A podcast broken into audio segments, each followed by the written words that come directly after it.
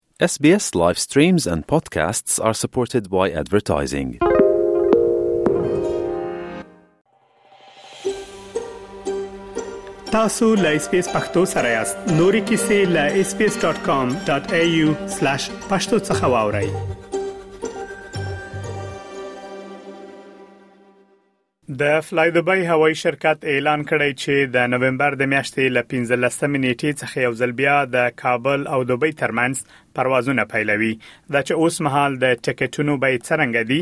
او د فلای دوبۍ د پروازونو پیل به د افغانستان او استرالیا ترمنځ د ټیکټونو پر بیو څه اغیز ولري د همدغې موضوع په اړه غواړم په ملبون ښار کې د سفر او سیاحت د خدمتونو له وړاندې کوونکي اسماعیل شاه نیازی سره مرکه تر سره کړم نیازی صاحب ډیره زیاته مننه چې د مرکې لپاره مو وخت راکړ د ټکټونو بیې اوس څرنګه دي په تیرو شپږو میاشتو کې کچیرته د ټکټونو بیه ته وګورو څه توپیر پکې راغلی د ټکټونو بیه پورته تللی راټیټې شوې دي که کولای شي په دې اړه معلومات شریک کړئ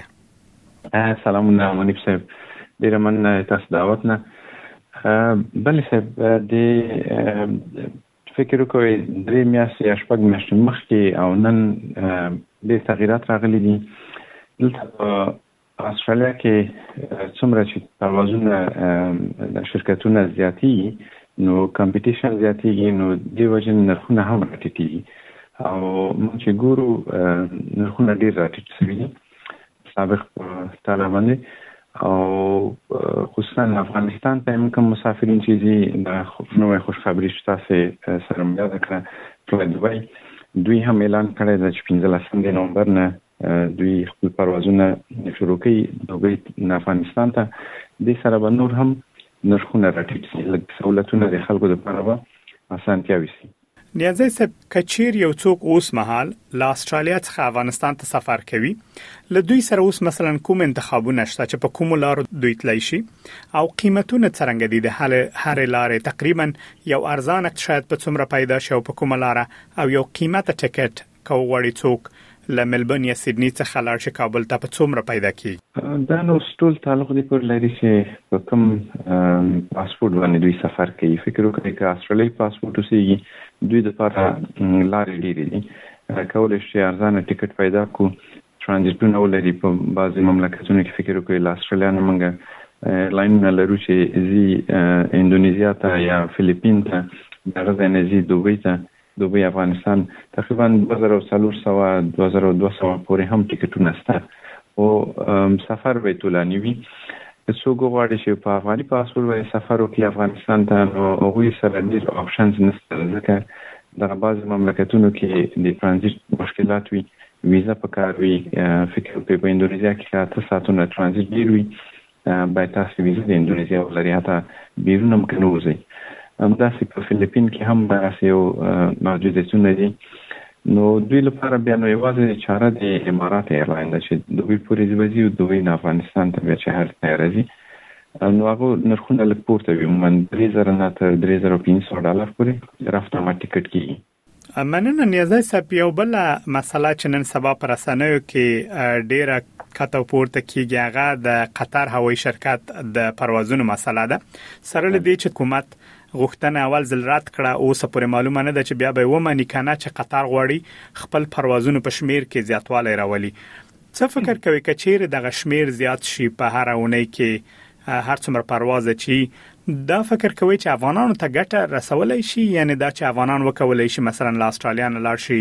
قطر ته او قطر نه بیا کابل ته داسې انتخابونه شته که نشته او بل که دا کار وشي ګټه به څومره ورسوي د قطر موضوع بخي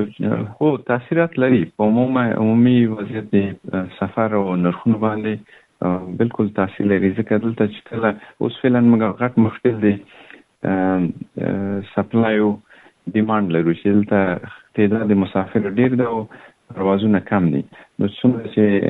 پروازونه ډیریږي هلته ضرورت هم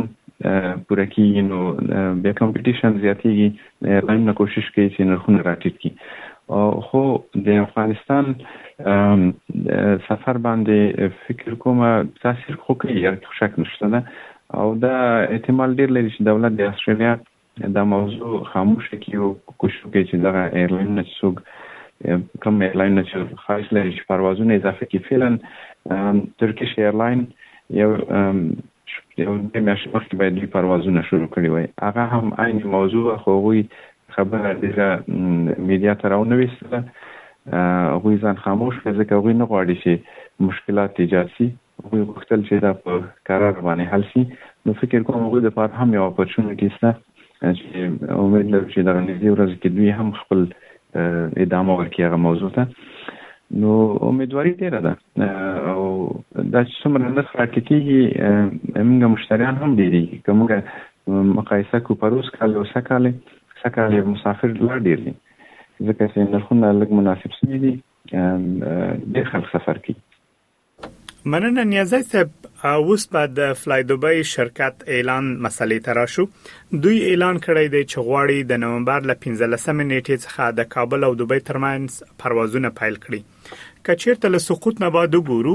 سره لدی چې دغه ټیکټونه د کابل او دوبۍ ترمنځ یا د هند ترمنځ یو څه قیمت او د وبخې د سیدنی او دوبۍ ترمنځ یا هند پورې قیمت او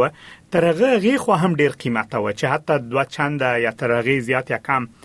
قیمتونه زیات شوی وو نو اوس که د فلای دوبای راشي څه ګټه به وکي په نرخونو باندې او بل آیا وخت اوس په سیستم کې د دوی ټکټونه راغلي دي کنه بله منیب صاحب دغه د فالدوبای سیستم کې اوس فعلا موږ فروشات شروع کړي دي 15 د نومبر نه خواته چې کوم خلک سفر کوي افغانستان ته موږ کولای شو هغه بکو خو نرخونه تر اوسه پورې وای هم دا اوس سړی نشي ویلای پیشوی نشي کولای چې دوی کوم قرارداد دولت د افغانستان سره کړی ده ځکه هلته فعلا آریانا او کامیار دوه شرکتونه دي چې د پروازونه کوي افغانستان ته او دوی دواړو سره کوم موافقه چې کړې ده د نرخ په ارتباط باندې دواړه تقریبا یو نرخ چلی اوس دا دریم دریم شرکت منځ ته راځي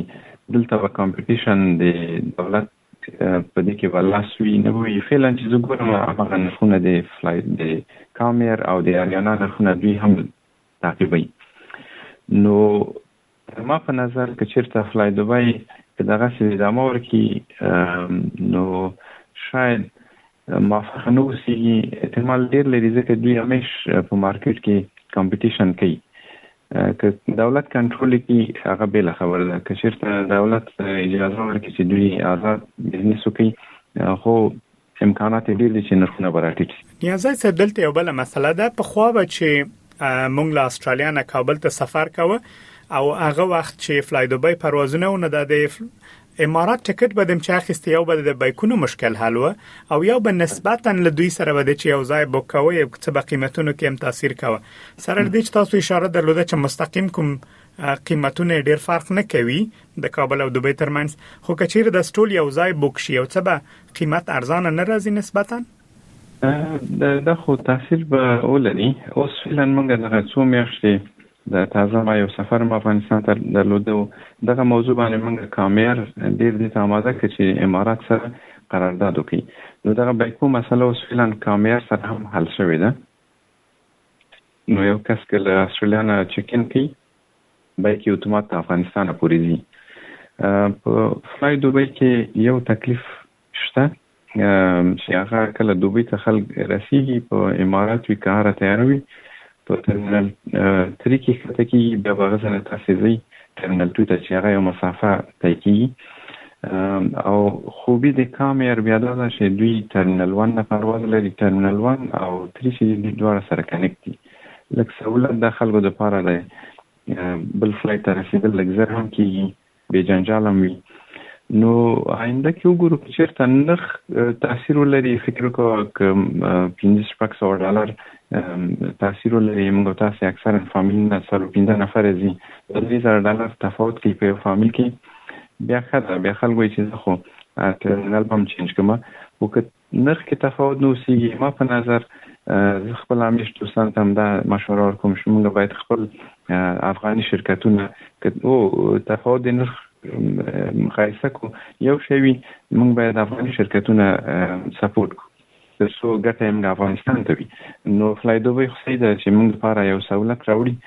خو ګټه یې موږ څه ده نرخ که ارزانه وي سعید هغه به سړی نظر کې ونیسي که چیرته ګټه یې زموږ افغانستان ته نه وي نو موږ به فلای دوبۍ کې ولې سفر وکړو موږ باید دغه شیان نظر کې ونیسو په ملبون ښار کې د سفر او سیاحت د خدمتونو وړاندې کوونکی ښاغلی اسماعیل شاه نیازی له تاسو نه ډیره زیاته مننه چې د مرکې لپاره مو وخت راکړ ژوندی دې وي ډیره مننه تاسو نه اس پی اس پختو په فیسبوک کې تا کې پلی مطلب یو فاک کړئ نظر ور کړئ او له نورو سره شریک کړئ